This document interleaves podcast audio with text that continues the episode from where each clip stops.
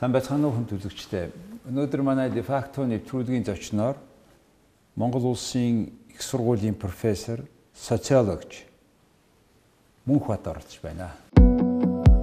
Орломагийн Мөнхбат Монгол улсын их сургуулийн профессор. Мөнхбат нь Орос улбаны улсын Казаны улсын их сургууль социологч мэрэгчлэр төгссөн ба Монгол улсын их сургуульд нийгмийн давхар ажил, ялгарл сэдвээр социологийн ухааны докторийн зэрэг хамгаалсан. Тэрээр Монгол Улсын их сургуульд багш болон нийгмийн судалгааны хүрээлэнгийн захирал, социолог, нийгмийн ажлын техникийн эрхлэгч, сургалт эрхэлсэн дэд захирал, оюутны хөгжил, хамтын ажиллагаа эрхэлсэн дэд захирал, удирдлагын академид багш зэрэг албан тушаалыг хашиж байжээ. Мөнхбат 23 нэгэн сэдвт бүтээл, сурах хүчиг, гарын авлаг, орчуулах, судалгааны төгсмөл, 43 эрдэм шинжилгээ, судалгаа, танин мэдхүйн өгүүлэл бичиж, гадаад дотоодын мэрэгжлийн сэтгүүл сонинд хэвлэн нийтлүүлсэн байна. За сайн байна уу та? Сайн байна та. Таныг би энэ нийгмийн нэлээд одоо байгаа нийгмийн өнөөдрийн байдал ялангуяа сэтгэл зүйн байдлыг дүгнэж ярилцж байгаа тэр таны тэр хэлсэн үгүү тэр ярилцж байгаа тэр үзүүлэлтийг харсал да. Тэгээ юу бодож юм гэхээр үнэхээр одоо өнөөдөр Монголын нийгмийн үзэл бодлууд хүмүүсийн чивэл одоо үнэхээр санаатаагаар хийгээд байгаа юм уу? Бид нараа тоглоод байгаа мó гэсэн юм шийдвэрүүд улс төрийн хэмжээнд ингээ гараад идэг. Тэгээд энэ бүхнийг одоо нийгмийн талаас ингээ харж үзэх юм бол бид нар яг Монголын нийгэм одоо өнөөдөр бидний үзэл бодол хаана явна. Энэ одоо шаш машинаж бодсон. Ер нь бид нарт юм тогтсон үзэл бодол ер нь юу байна? Энийг та яаж харж байгаа юм бэ? За баярлалаа. Тэгэхээр яг гоо ер нь бол бид нар нэг зүйлийг э, эхлээд тодруулбал зөвөр болоо гэж бодож байна л да. Ер нь нийгэм а төр засаг олон нийт гэсэн энэ гурван сүлжээнд нь тийм ээ хин хинийгээ яаж үнэлж идэг юм бэ гэсэн нэг юм шалгуур гарч ирнэ л да. Тэгэхээр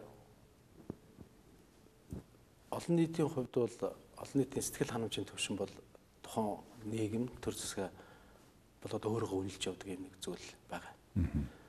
Болж гинөө болохгүй байна уу тийм ээ яаж юм.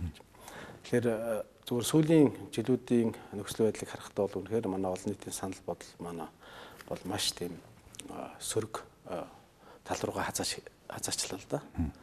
За энэ нь юугаар илэрч байна гэх юм бол ер нь өөрийнхөө амьдарч байгаа нийгмээ төр засгаа үнэлэх олон нийтийн үнэлэмж бол асар хурцтай унж байна. Би зүгээр нэг жишээ авахад 1993 онд анх одоо Монгол Улсын их сургуулийн социологийн тэнхим Японы Асаха Сента хамтран Монголын олон нийт ард олонны санал бодлого гэсэн юм судалгаа хийжсэн. Тэр 90 он гэдэг чинь ямар үе вэ тийм ээ? Үнэхээр шилжтийн үе гэдэг нэрийн дор бол үндсэндээ эдийн засаг өрн нурсан хүмүүс маань хүнд байдалд орсон үе байсан. Гэтэ тэр үед бол ард олон маргааштай итгэх итгэл маш өндөр байсан. Ер нь ирээд нийт судалгаанд хамрагдсан хүмүүсийн одоо 90 гаруй хувь бол би маргааштай итгэж байна. Би илүү сайхан амьдрнаа бидний хэдээр сайхан амьдрал хүлээж байгаа гэж би итгэж байна гэсэн ийм сайхан гэгийн гэгээд итгэл найдвартай байсан л да. Харамсалтай нь энэ жил ирэх явах тусам бол энэ байдал мал өөрчлөгдсөн. За өнөөдрийн төвшөнд аваад үзэх юм бол ард олон маань бол маргааш итгэл бол туйлаа их алдчихээн тийм ээ. Яагаад тийм вэ? Яагаад гэх юм бол олон шалтгаан байна л да. Тийм үү? Олон шалтгаан. Нэгдүгээрт нь яг уу эцсийн дүндээ хамгийн гол ярихад бол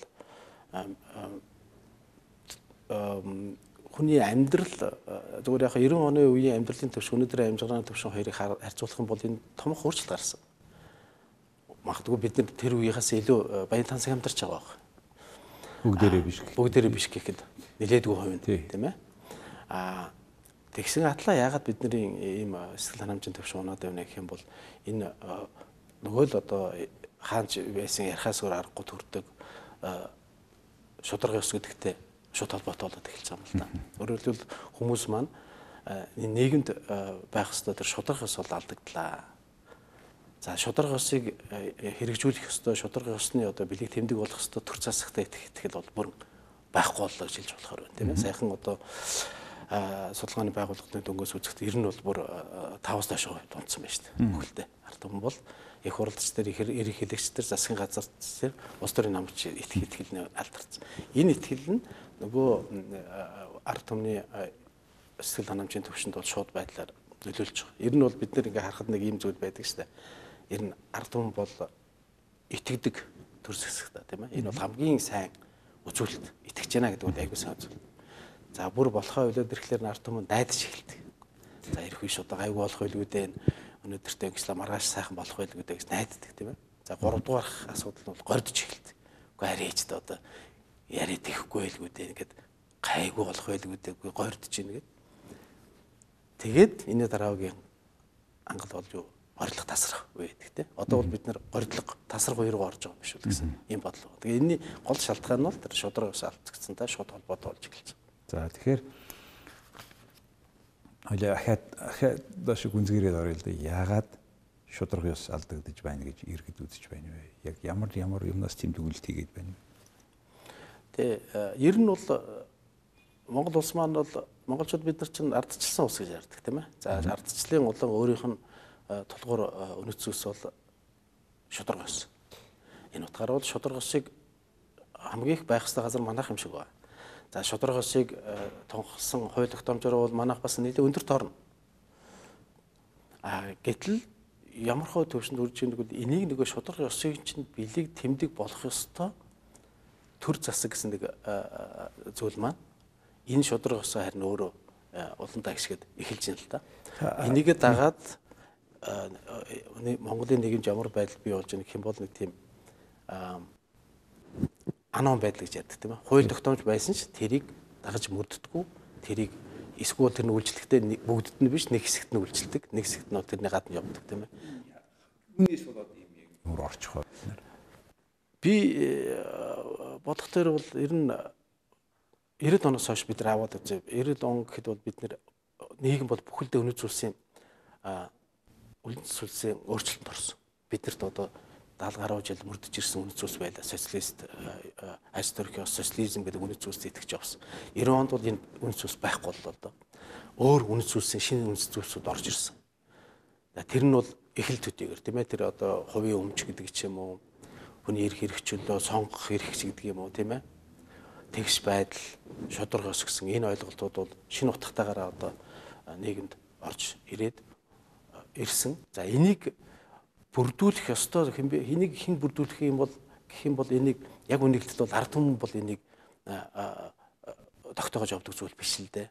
Энэ бол тухайн нөгөө нийгмийн тогтолцооны бүхий л одоо институтууд оролцож бий болгодог зүйл тийм ээ. Институт. За энэний тэргүүнд хэн явдаг гэх юм бол нөгөө тэр нийгмийн томоохон өөрчлөлтийг санаачилсан тэрийг авч явж байгаа нөгөө л төн энэ дээр бол гүйцэтгэж явдаг зүйл тийм ээ энэ руугаа чиглүүлж явдаг зүйл. Гэтэл энэ институцүүд маань харин энэ үнэт зүйлсийг бүрдүүлэхтэр ажиллаж чадав. Ажиллаж чадаагүй шалтгаан нь бид мэдэхгүй байна уу, чадахгүй байна уу, мэдсээр байгаад хийхгүй байна уу?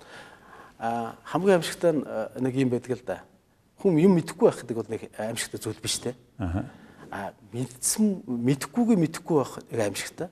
А мэдчихээ тэрний эсрэг хийж байгаа зүйл бол бүр их аюултай. Би бол өнөөдөр бол 3 дахь англи манаж яваад байгаа болов гэж боддог. Үнэхээр бидний дээр бидний дээр сууж байгаа хүмүүсийг бол би тэнийг хүмүүс гэж ерөөсө боддгоо. Мэдлэг боловсролтой хүмүүс гэж ерөөсө боддгоо. Тэр хүмүүс бол боловсролтой чадaltaй энд юу болохгүй байх гэдэг тэр хүмүүс мэдчихэж байгаа. А юуг нь яаж хийвэл болох ёстойг бол мэдчихэж байгаа. А гэхдээ харамсалтай хийхгүй тэрний эсрэгээр хийж байгаа. Яагаад гэж? Энэ бол яг цэвэр одоо манай Монголын нийгмийн улс төрийн амьдрал бүхэлдээ тийм өгсөн хуульдсан авилгалын картелууд болоод хувирцсан тал болоод юм шүү. Тийм.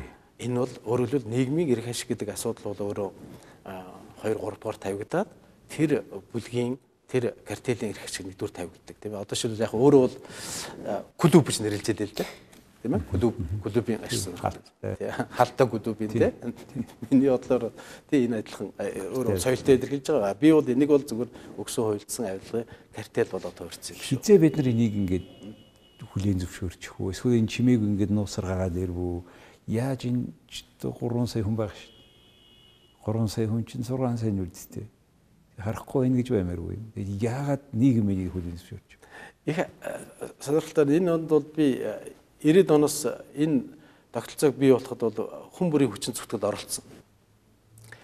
А улс төрийн номод мод энэ дээр гайхалтай сайхан өрг гүйцэтгэлээ харамсалтай тийм ээ.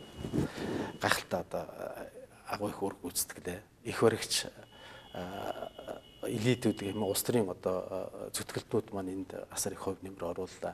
А нийгэм энийг хүлцэнгүүгээр олон жил харлаа. А энийг одоо ард түмний соён гэрүүлэх үр гүйцэтгсэн гүйцэтгэх ёстой тийм ард түмний нэр төрийн болох ёстой нөгөө сэхэтэн гэдэг боловсралтай мэдлэгтэй хүмүүс маань бол ажиглагчийн байр сууриас хандлаа. Тэгээ энэ бүхний олонний энэ бүхний хүчин зүйлийн үр дүнд бол энэ нөгөө мангас гинт бодит байдал болцлоо. Тэрнээс биш энэ гинт бий болсон зүйл биш. Одоо харь гараас нэсч ирээд эсвэл хятадууд ч Оросод авчираад Монголд энэ системийг тогтоосон юм биш. Бид нэр энийг өөрсдөө ухамсартайгаар нэг хэсэг нь хийлээ. Ухамсаргүйгээр нэг хэсэг нь аялдан дагалдлаа. Энийний үр дүнд бол одоо нэг ийм том айхтар мангастай болоод тохирцсон л байна. Тий, тэгэхээр одоо бид ийм зарим мэдхгүйгээсээ за эргээд зарим ойлгоогүй сайн хүмүүс тийм сайн ойлгоогүйгээсээ байж байна. Гэтэл мэддэг сэхэтнүүд чинь ингээд чимээгөө бэртгчин маягаар яваа тий таны хэлснээр яваад ирлээ. Айн бүхнийг зөв ашиглаад хувьдаа ийм энэ төрлийн институцийг хувьдаа ашиглах ийм машин болгож чадсан улс төрийн энэ улс төрийн намууд дээ. Энэ улс төрийн намуудын тэр дотор талд яг энийг хөдөлгөөд байгаа механизм тэр нөгөө санхүүжилттэй холбоотой байна гэж одоо бид зарим нь ярьж байгаа. Та энийг яаж үздэг? Тэгээ ер нь саяны тэр айхтар одоогийн өнөөгийн бий болсон тогтолцооны гол хөдөлгөгч хүч нь бол их баригч улс төрийн намд л та. Тэр улс төрийн намыг өөрийн зорилготой өөр хэрэгсэл болгож ашиглаж чадсан цөөнх юм бүлгүүд байна. Бүлэг байна тийм ээ. Энийг яг хүмүүс 300 бүлэг гэр бүл гэж ярьдаг 30 гэр бүл гэж янз бүрээр тоо хэлдэг л дээ. Гэхдээ нэг тодорхой бүлэг бий болсон. А тэр бүлэг бол үндсэндээ энэ бүхнийг бол тийм систем шин чанартай болгож чадсан. Үнэхээр одоо улс төрийн намыг ашиглаад улс төрийн нам нөгөө ард түмний эвлэлтний хэлтгэр хэшиг үндсүүлэх эрхчлөлөг эрхчлөлөг эрхээ эдлэх ёстой тэр хэрэгслийн нэг байсан улс төрийн намыг бол зөвхөн хувийн хэрэгслийн аппарат болгож хувираад энэ аппаратыг тойруулаад авилгалын асар том сүлжээ бий болгож чадсан. Жишээлбэл энэ улс төрийн намыг тойрсон хууль тогтоох байгууллага, гүйцэтгэх засаглал, шүүх засаглалын хяналтын байгууллагууд хувийн болоод бизнесийн бүлэглэл хүрээлүүд дээр нь бүр амжилттай болоод олон нийтийн мэдээллийн хэрэгслүүд. Төр тэгээ хэл одоо иргэний нийгэм гэсэн ийм зүйлүүдийг бол өөрөөгөө тойрсон энэ нөгөө авилгалын том сүлжээнийхээ системийнхаа хэсгүүд болгоод тэгээд эннийхээ тусламжтайгаар одоо сайн ярьдаг тэр бүх зүйлийг хуулийн нэрийн өмнөөс хуулийн хуулийн шинж олгосон тийм хууль бас үйлдэлүүдийг хийх хийдэг болчлаа л доо. Тэгэхээр таны сая ярьсан юу энэ нийгмийн үзэгдлийг Чехийн эрдэмтний нэг Михаил Клима гэж хүн. Буруу демократура гэж хэлсэн байна тийм ээ. Нөгөө иргэдийг төртэй холбодог гүүрч нь улс төрийн ном байтал сонгуулийн үеэр ганцхан зэрэг нэг ажилласан бол харагдчихаа бус өдөр нь юу тэрийгэж орхичоод одоо төрийг олигархтай холбосон юм систем бий болголоо гэж демократура гэж яриад шүү дээ. Тэгэхээр за юм болч де факто өнөөдөр юм болчлоо. Бараг ди юрэ болчлоо энэ бүхэн чинь. Энэ маягаар бид ингээд үндсэндээ сүйрэл рүү явж эхэллээ шүү. Дампуур руу явж хүмүүс дургүйт чинь таны хэсэг тэр дөөждөх өөртөө жидэх байжлаа. Маргааш итгэхэ бүр болчлоо. Тэгэхээр байдал юм байна. За окей, за юм байна. За одоо яах вэ? Яадгийг бусад орны жишээн дээр хизээ ямар тэр нөө моментум гардгийг ямар ямар үед үе нэргэд чинь ингэж хүлэн зөвшөөрөхөг гинт бөөнөр эсэргүүцдэг энийг яаж та яаж харж байгаа. Яг их олон арга замуудыг хүмүүс эндээс гарах гарцыг хэлдэг л дээ. За яг ер нь нэг хэсэг нь бол одоо системээ өөрчлөх ёстой байна гэж ярьж ярьдаг тийм ээ. Нөгөө хэсэг нь бол одоо томоохон хатуугаар хэрэгтэй. Одоо хүчтэй ерөнхийлөгч гэдэг хүчтэй удирдахч гарч ирэх юм бол энэ бүхнийг аварч болно. А нөгөө хэсэг нь бол ерөөсөө ард түмэн гудамжинд гараа тийм ээ. Үзий, тэмцээ а гэдэг. За бүр одоо айхтар сүүлийн үед одоо нэлээд хүмүүс таалагдаад эхэлж байгаа зүйл бол экстремист хандлагууд тийм үү? Энэ авилгачдыг хятад буудэ дүүжлээ гэдэг юм хандлагууд. Энэ бүхэн бол үндсэндээ нөгөө би бас нөхцөл байдлаас гарах арга замыг л харж байгаа юм л да. Хараад байгаа тийм. Зөвхөн миний хувьд бол бодоход өнөөгийн авилгачсан систем бол өөрийгөө өөрчилж чадахгүй. Энэ ойлгомжтой тийм. одоо жишээл улс төрийн намын санхүүжилт гэж тэгэл сайхан болгочвол бүх юм сайхан болчих юм шиг. Би ерөөсөө тэгж бодохгүй байна. Яагаад гэх юм бол өөрөө улс төрийн нам маань өөрөө тэр нөгөө авилгацсан тогтолцооныхаа нэг хэсэг болцсон юм чинь тэр системийн эсрэг энэ бол үйлчилж үйлчилж чадахгүй болсон. Өөрөөр хэлбэл систем нь өнөөдөр анх систем бий болгосон тэр элементүүдийн хяналтанд биш бүх элементүүдтэй өөр хяндаг болчихж байгаа. Одоо нөгөө ийм болцсон үед бол энд нэг улс төрийн намын санхүүжилтийг ил тод болгосноор яална гэж би ерөөсөө бодохгүй. Хоёрдугаарт нь энэ улс төрийн байгаа одоо хүчин санхүүжилтийн ил тод болгосон ч гэсэн болгоогүй ч гэсэн нөө систем нь өөрөө өөрийгөө одоо өөрчилж чадхаа байчлаа гэж үзсэн шүү. Тэгээ яах вэ? Яаж ийм бид нар бол нэг талаас зүгээр яг магадгүй энэ жоо тийм гуманист хандлагч байж магадгүй дөө хүмүүс гэж хэлж байна. Би бол бид бүхэн нэг ард түмэн бол өөрийн үнэт зүйлсийг тойр нэгдэх ёстой. Аа. Тийм ээ? Аа мөн нөгөө ард түмний зэрэгцээ, ард түмний илэрхийлэл болсон тэр нийгмийн институцууд ч гэсэн тэр үнэт зүйлсийн тогтолцоогоо тойрог ирэх ёстой. Бид нар хоёр хөршөө харъя л да. Одоо шилбэл үндсэндээ хятад Орос хоёрыг харъя. Энэ хоёр гүрний хувьд бол харахад бас л тэр өөрийн гэсэн үнэт зүйлсийг шинэ 21 дэх зууны үнэт зүйлсийг бол бий болгох гэж оролдож байна. Тэр нь зарим тохиолдолд амжилт хүрж байгаа. Жишээлбэл хятадыг аваад үзье. Хят мөрөөдөл тийм ээ мөн хятад гэдэг бол дэлхийн хэмжээний гүрэн болно гэсэн энэ үзэл бодлоор тэр миллиард гаруй хүн бол нэгдэж байна шүү дээ. Нөгөө талаас Оросыг аваад үзье тийм ээ. Орос бол одоо яг Оросыг бол нэлээд яд руу өнгөрснөө дурссан тийм хүч урд нь өмнөхөө санан дурсан тийм дурсамж дээр нэгдэж байна л да. Дэлхийн 20 дугаар даанд ялсан агвайг ял тийм ээ. Эсвэл одоо Оросын агвайг хүчргийг айрам тийм ээ. Ингээд энэ утга дээр бол ард өмнө нэгдүүлээд нэг тодорхой юмраа яваад байна. Тэр нь бол яг мэдээж сайн муу асуулт би ярихыг хүсэв. А монголчуудын хувьд бид нар юугаараа нэгдэж юм бол бид нар одоо нэгдэж байгаа ганц зүйл байгаа. Тэр нь бол өнгөрсөн түүх маань тийм ээ. Нөгөө их эцэн Чингис хаан гэдгээр тойрч ярьж байна л да. Гэхдээ энийгээр бид нар холж явахгүй болчиход. А гэтэл өнөөдөр нөгөө 21-р зуунд харин биднийг нэгтгэх ёстой, биднийг тойруулах ёстой үнэт зүйлсийн нэг бол уул нь бидэрт бага бага байгаа тийм жишээлбэл үнийн үнэлэх жишээлбэл ардчлал ардчлал зүйлс бол бид нарыг нэгтгэх ёстой. Тэр хүний эрх хэрэг чөлөөний асуудал бол бид нарыг нэгтгэх ёстой. Тэр шудраг ёс гэдэг маань нэгтгэх ёстой. Энэ үнэт зүйлсийг бид нар бэхжүүлж чадах юм бол энэ дээрээ тулгуурлаад нийгэм одоо зөв чиглэл рүү явах боломж нь бүрдэх байх л да. Дэлхийн тулд яах?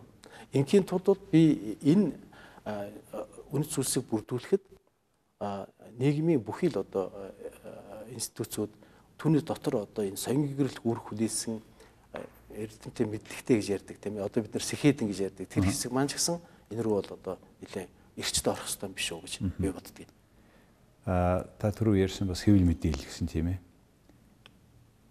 Хэвлэл мэдээллийн хэрэгсэл, сэхэтэн хэвлэл мэдээллийн хэрэгсэл. Үгүй энийг чинь энэ ши оруулах юм. Сэхэтнүүд чинь ерөнхийдөө бол за миний амьдрал болж байна. Эдгээр хийчихнэ үсттэй. Ийм бэртэг чинь.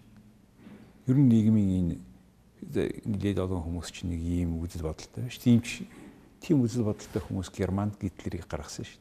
Энэ яхаа гэсэн маягаар хандаад дуусна дараа гарч ирсэн хойно дийлэхгүй таны хийсэн агуу мангас бий болсон. Тэгэхээр яавал бид нар энэ үн цэнийг бий болгох соён гэгэрүүлэх энэ ажлыг хийж байгаа хүмүүсийг. Ам одоо уул нэг юм үг байдаг да одоо Оросын классикууд ярьсан байдаг тийм ээ. Секхетэн гэдэг бол ард түмний хүн чанар юм аа гэл ингээл тийм. Соёс наруудаа гэж. Тэгэхээр энэ утгаас харах юм бол чивэ ер нь бол миний хувьд бол Сэгэдэн гэсэн нэг тусдаа нэг нийгмийн тусдаа давхар биш л дээ энэ бол. Одоо нийгмийн бүхэл давхарт бол Сэгэдэн төлөөл байгаа. Сэгэдэн гэдэг дотор бол бид нэр зөвхөн дээд боловсролтой хүмүүс гэсэн утгаар харж байгаа биш тийм ээ. Өөрөөр хэлбэл аль ч нийгмийн давхар байгаа боддог хүмүүс сарвал боддог. Энэ улс их орныхоо төлөө нөгөө төрийн төлөө огтнд боож өгөх чадвартай тийм үү а мөн одоо өөрийнхөө нөхцөл бодлоо босод хүргэх боломжтой чадaltaа тэр хэсгийг бол тэр хэсгийг хэлж байгаа. Энэ утгаараа сарууд бодож байгаа бүх хүний ажил шүү л гэж та хэлж байна. Тэгээд энэ энэ хүмүүсийг энэ хүмүүст энэ бидний 21-р зуунд бусад хоёр орноос ялгаатай байгаа томоохон үнц нь бол ардчлал гэж байна. Тийм ээ, эрх хэрэгчлөө, үг хэлгээ, үг хэлэх хэрэгчлөө байна, тийм ээ. Шудраг ёсыг шаардах хэрэгчлөө байна. Энэ бүхнийг бэхжүүлж, энэгүүгээр явахгүй шүү гэдгийг л ойлгуулах ажил оролцуулаач гэх. Тэхийн тулд тэр хүмүүс тэгж ойлгоод өөр хүнд хэлхийн тулд нөгөө хүн чинь гүнзгий итгэсэн байх хэрэгтэй. Энэ дээр нь яаж ажиллах? Хин ажиллах? Аа одоо тохол яг бид нар нэг юм өөр усан живж байгаа хүнийг аврах аврах авраглах хэсэг нь усан живж байгаа хүнээс өөрөөс нь хамаарна гэж ярьдаг тийм ээ. Энэ зарчмыг мэдээж нэг төрс баримтлах хэрэгтэй. Хоёрдугаарт нь бол нөгөө талаасаа бол бид нэр хүн болгон тэр надад хамаагүй бол над хамаагүй гэсэн байд хөндлөнгийн ажиглагчаар орох тийм үү. Харсан ч хараагүй юм шиг байх энэ чанараал бид нар устгах хэрэгтэй.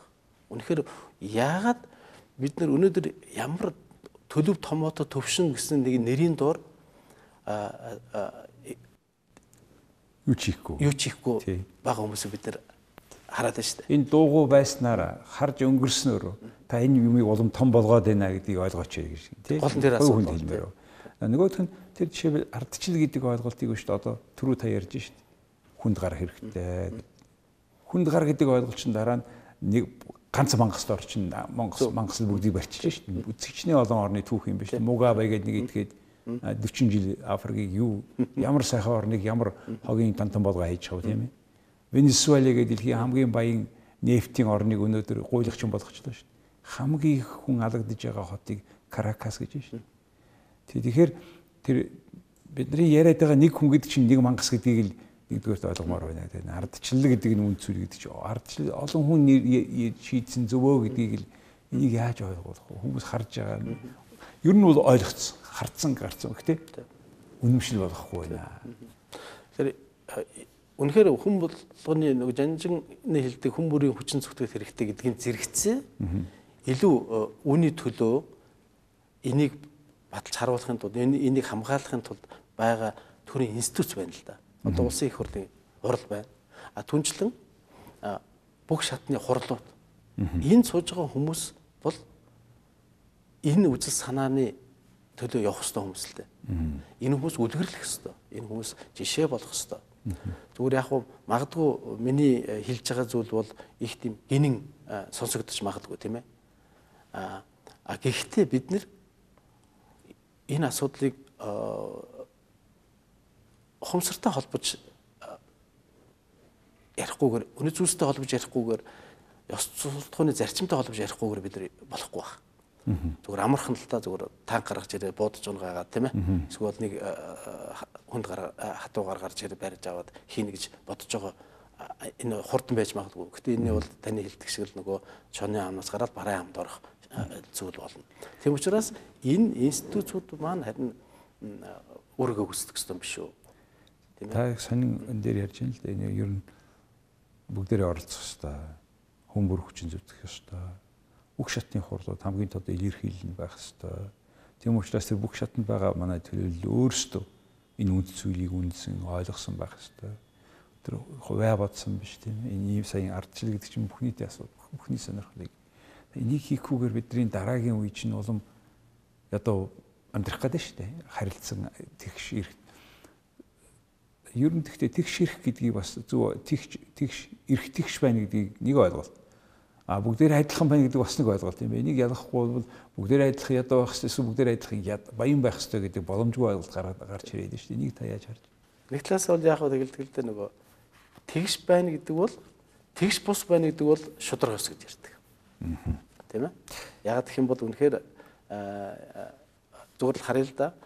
Хүлээж байгаа нэг мөн хүлээж байгаа хариуцлагаараа хоёр өөр ижил хоёр өөр хүн нийгмээс хүлээж авч байгаа урамшуул шагналын ч гэсэн өөр байх хэрэгтэй үстэй. Тэгээд хүн болгон их хэцгээс яг адилхан авиастыг шатлалт төрөхгүй шүү. Төрөхгүй тийм авиас чадвартай нь илүү нийгмийн баялагаас илүү хурж байгаа. Нөгөө талаас бага авиас чадвартай ч гэсэн маш их илүү хичээгээд нөгөө авиас чадвартай хүнээс илүү юмд хүрж байна тийм үү?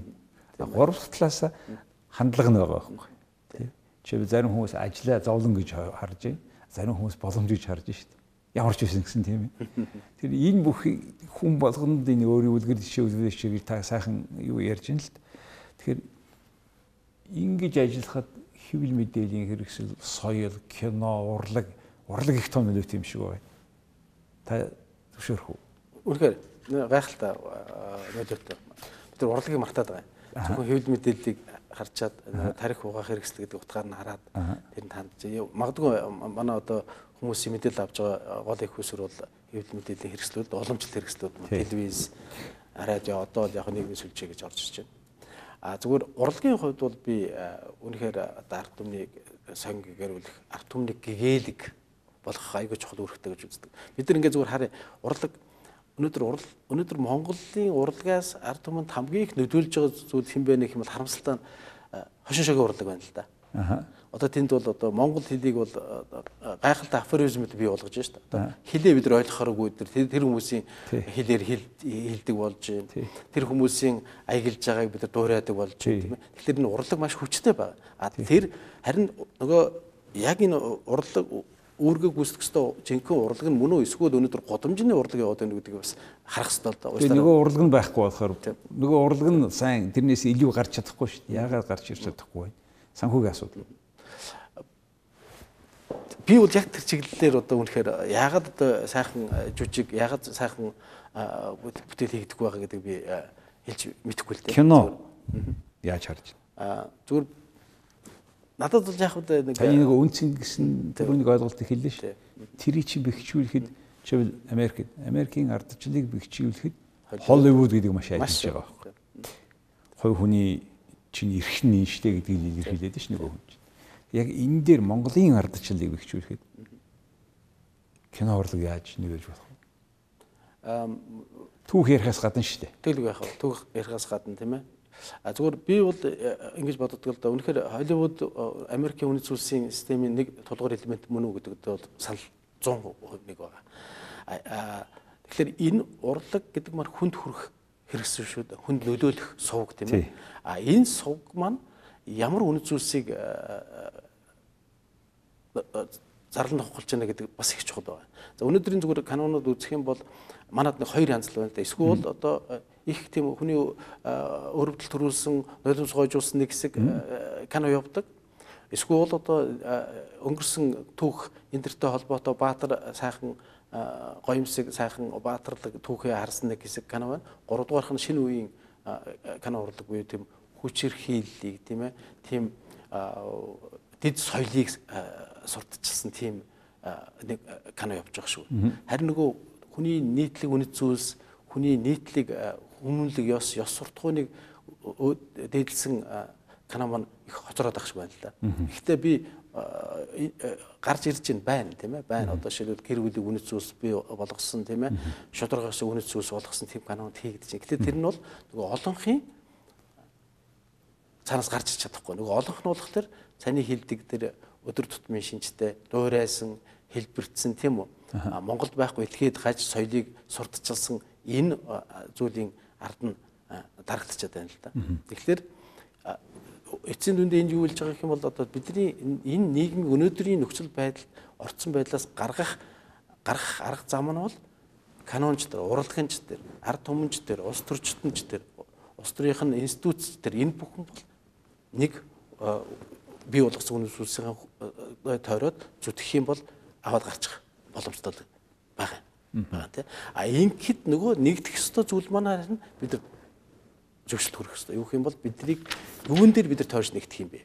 Зөвхөн Монгол өвчтөе баатарлаг байсан гэсэн дэлхийг эзэлж исэн гэсэн энэ түүхээр тойрч эргэлдэх юм? Эсвэл өнөөдөр энэ дээрийн нэмээд бид нар өнөөдөр бий болгосон тэр ардчлал хүний эрх хэрэгжүүлээ гэсэн энэ үнэт зүйлсээ тойрон эргэх үү гэдэг дээр л ярилцах хэрэгтэй юм шиг. Тий. Тэгэхээр та бүхэн өнөөдөр их ойрдоо хөндөөгдөг чухал сэдвийг хөндөж ярьлаа нийгмийнхаа том хандлагаар одоо нэгдүгээр бод байдал болохоо очие гэдгийг хэллээ.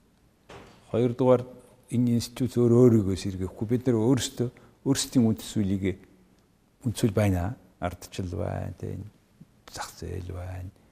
Энэ шудраг ёс энийг энийгээ тойруулаад энийгээ бэхжүүлэхэд хүн болгон ажиллая гэдэг сэдвийг гаргаж ярьлаа л да. Тэгэхээр энэ бол зүгээр нэг сайхан амьдрах, нийгмээ баталгаатай болох, эрх чөлөөгөө баталгаатай болох бол зүгээр нэг аль нэг тэр нэг саарл байшин хийдэг ажил биш. Хүн болгон хийх юмаа гэдгийг хэлснээр их онцлог боллоо. Тэгээ энэ талаар та мэдээж та их сургуулийн социологийн сон сургууль бахалж байгаа хүн байна. Энэ энэ талаар бас судалгаа юм чих байх гэж найдаж байна. Тийм. Тэгээ ялангуяа та бүхэн ярьсан яриаг ялангуяа урлагийн чиглэлээр тэр нөлөө гэдгийг хүмүүс анзаарах байхаа гэж найдаж байна. Ямар ч гэсэн их сони яриа боллоо. Тэгээ та ч гэсэн ийм идэвхтэй оролцож ярилцлага өгөж энэ нийтлэл гаргаж байгаа танд одоо ажиллахан ажиллаж байгаа таны хамт олон талархаж байна. Их баярлалаа. Баярлалаа. Амжилт хүсье. За хүн төзөгчтэй өнөөдөр манай дефактоны түүхийн зочноор Монгол Улсын их сургуулийн профессор социологийн сургуулийнх нь хүн ноён Мөнхбат оролцлоо. Их баярлалаа.